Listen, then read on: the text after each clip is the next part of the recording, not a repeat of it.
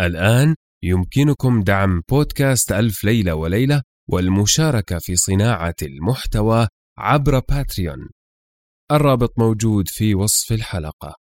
شكرا لكم شكرا دائما.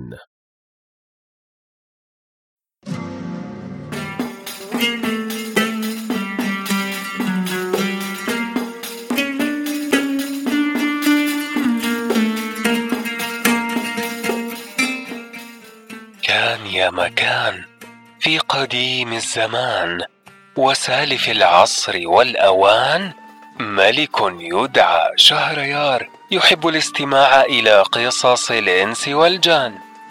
وكانت جاريته شهرزاد تقص عليه في كل ليلة قصة. هذا بودكاست ألف ليلة وليلة الموسم الثاني. هذه قصص ألف ليلة وليلة.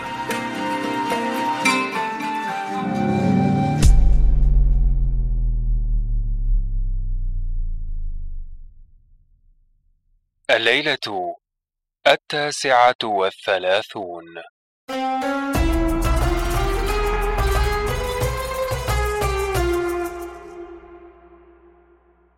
حكاية التاجر أيوب وابنه غانم. وابنته فتنة.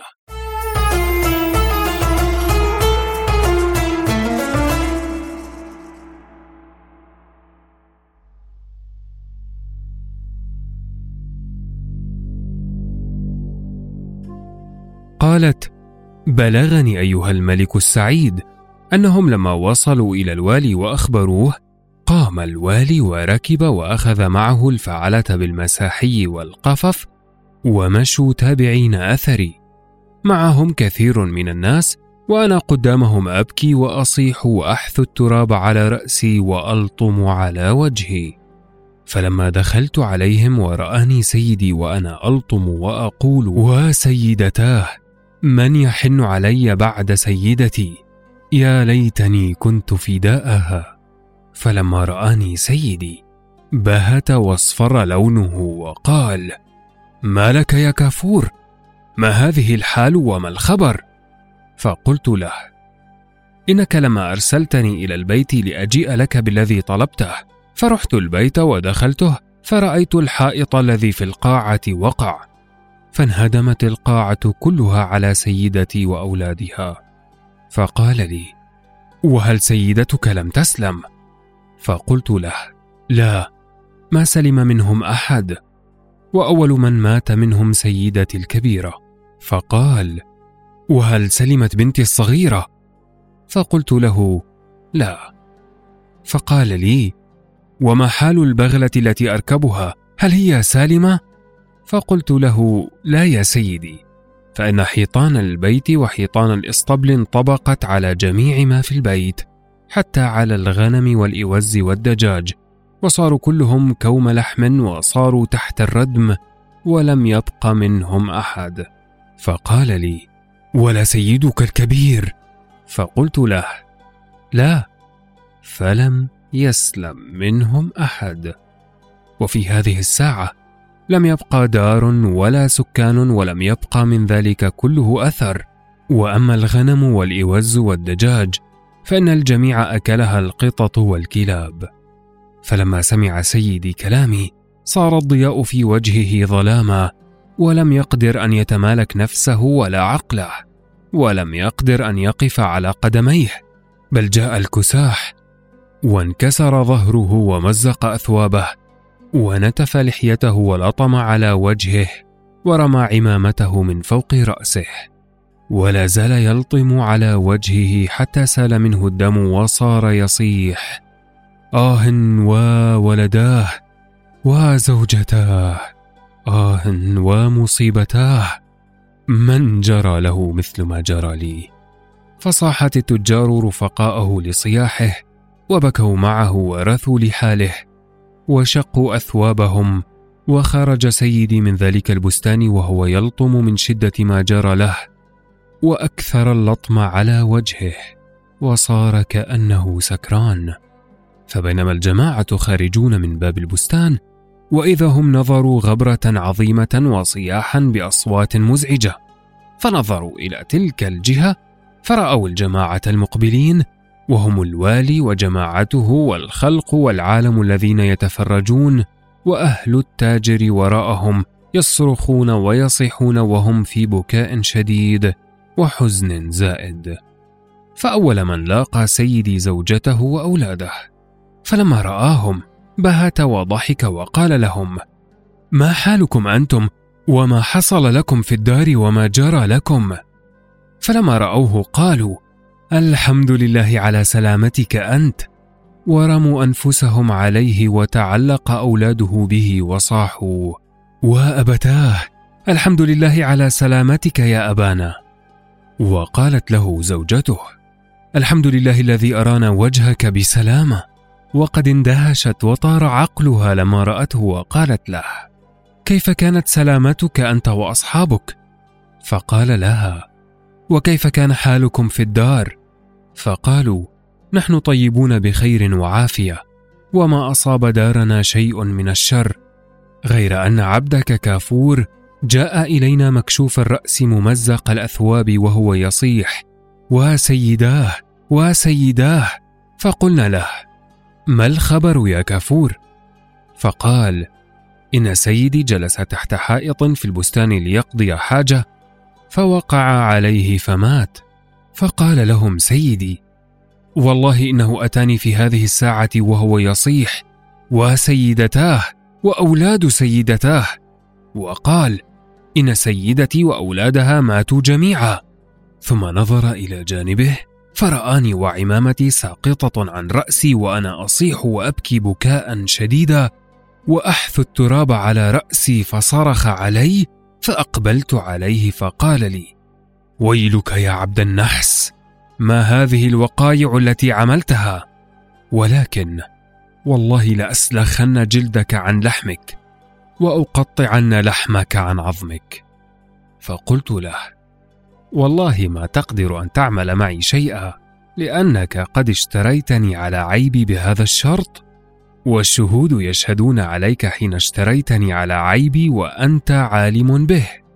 وهو أني أكذب في كل سنة كذبة واحدة وهذه نصف كذبة. فإذا كملت السنة كذبت نصفها الآخر فتبقى كذبة كاملة. فصاح علي يا ألعن العبيد هل هذا كله نصف كذبة؟ وإنما هو داهية كبيرة. اذهب عني فأنت حر. فقلت والله إن أعتقتني أنت ما أعتقك أنا؟ حتى تكمل السنة وأكذب نصف الكذبة الباقي.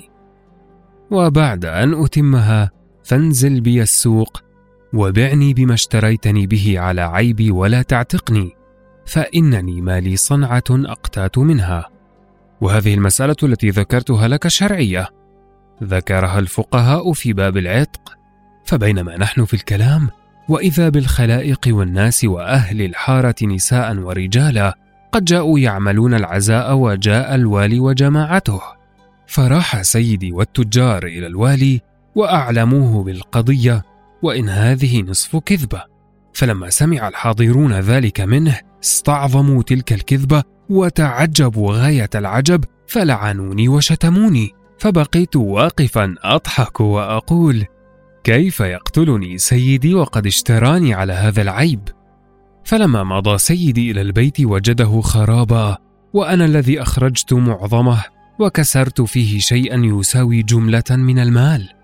فقالت له زوجته ان كافورا هو الذي كسر الأواني والصيني فازداد غيظه وقال والله عمري ما رأيت ولد زنا مثل هذا العبد ويقول إنها نصف كذبة فكيف لو كانت كذبة كاملة؟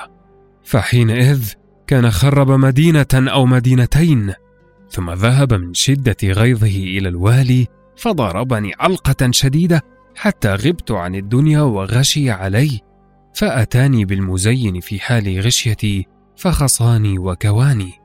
فلما استفقت وجدت نفسي خصيا وقال لي سيدي مثلما أحرقت قلبي على أعز شيء عندي أحرقت قلبك على أعز شيء عندك. ثم أخذني فباعني بأغلى ثمن لأني صرت طواشيا. وما زلت ألقي الفتن في الأماكن التي أباع فيها وأنتقل من أمير إلى أمير ومن كبير إلى أكبر بالبيع والشراء. حتى دخلت قصر أمير المؤمنين وقد انكسرت نفسي وضعفت قوتي. فلما سمع العبدان كلامه ضحكا عليه وقالا له إنك خبيث ابن خبيث قد كذبت كذبا شنيعا. ثم قالوا للعبد الثالث احكي لنا حكايتك. قال لهم يا أولاد عمي أنا أحكي لكم حكايتي وقد كنت أستحق أكثر من ذلك لأني كنت آذيت سيدتي وابن سيدي والحكاية معي طويلة وما هذا وقت حكايتها؟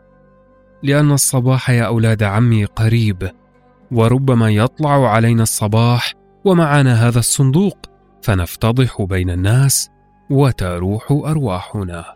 فدونكم فتح الباب فإذا فتحناه ودخلنا محلنا قلت لكم على سبب ذلك ثم تعلق ونزل من الحيط وفتح الباب فدخلوا وحطوا الشمع وحفروا حفرة على قدر الصندوق بين أربعة قبور وصار كافور يحفر وصواب ينقل التراب بالقفقف إلى أن حفروا نصف قامة ثم حطوا الصندوق في الحفرة وردوا عليه التراب وخرجوا من التربة وردوا الباب وغابوا عن عين غانم بن أيوب.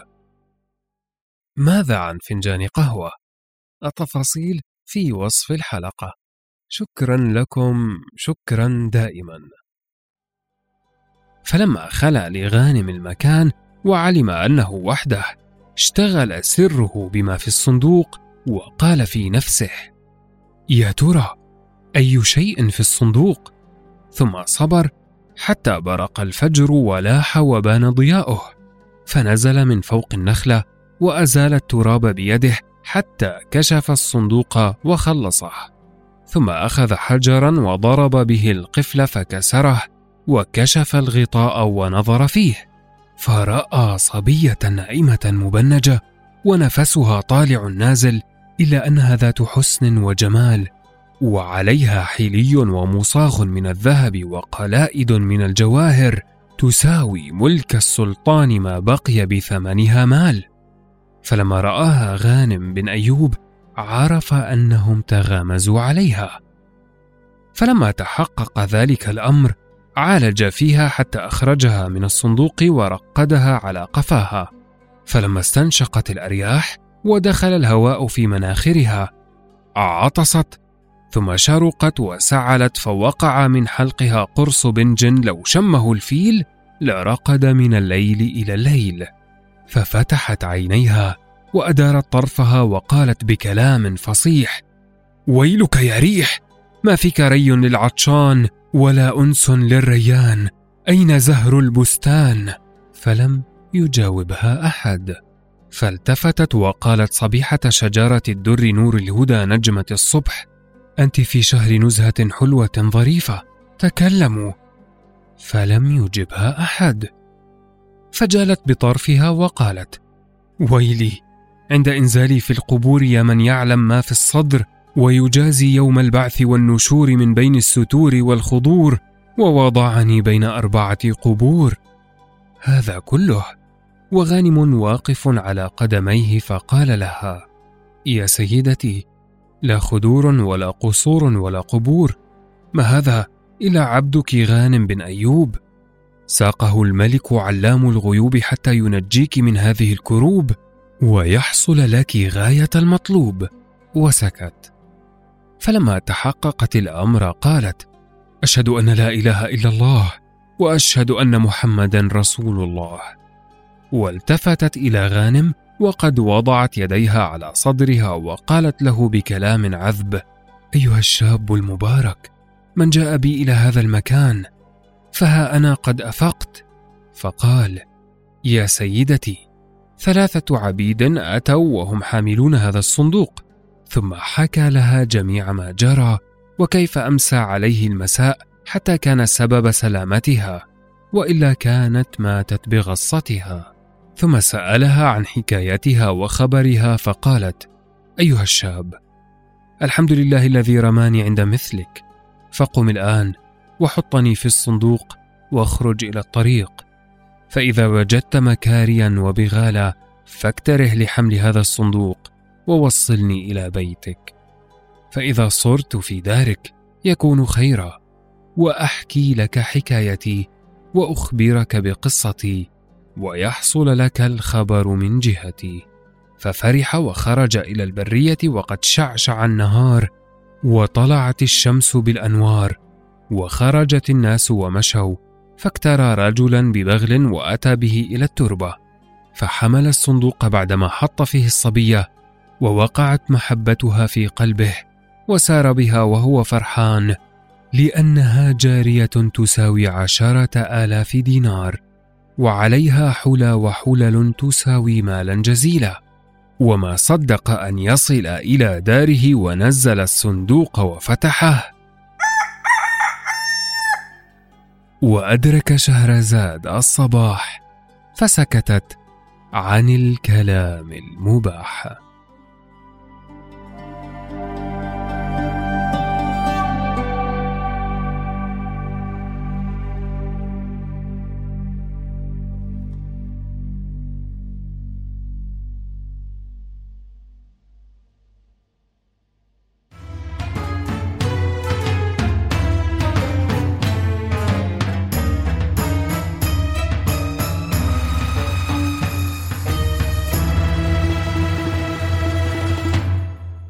أنا نزار الحمود معكم في قراءة الليالي.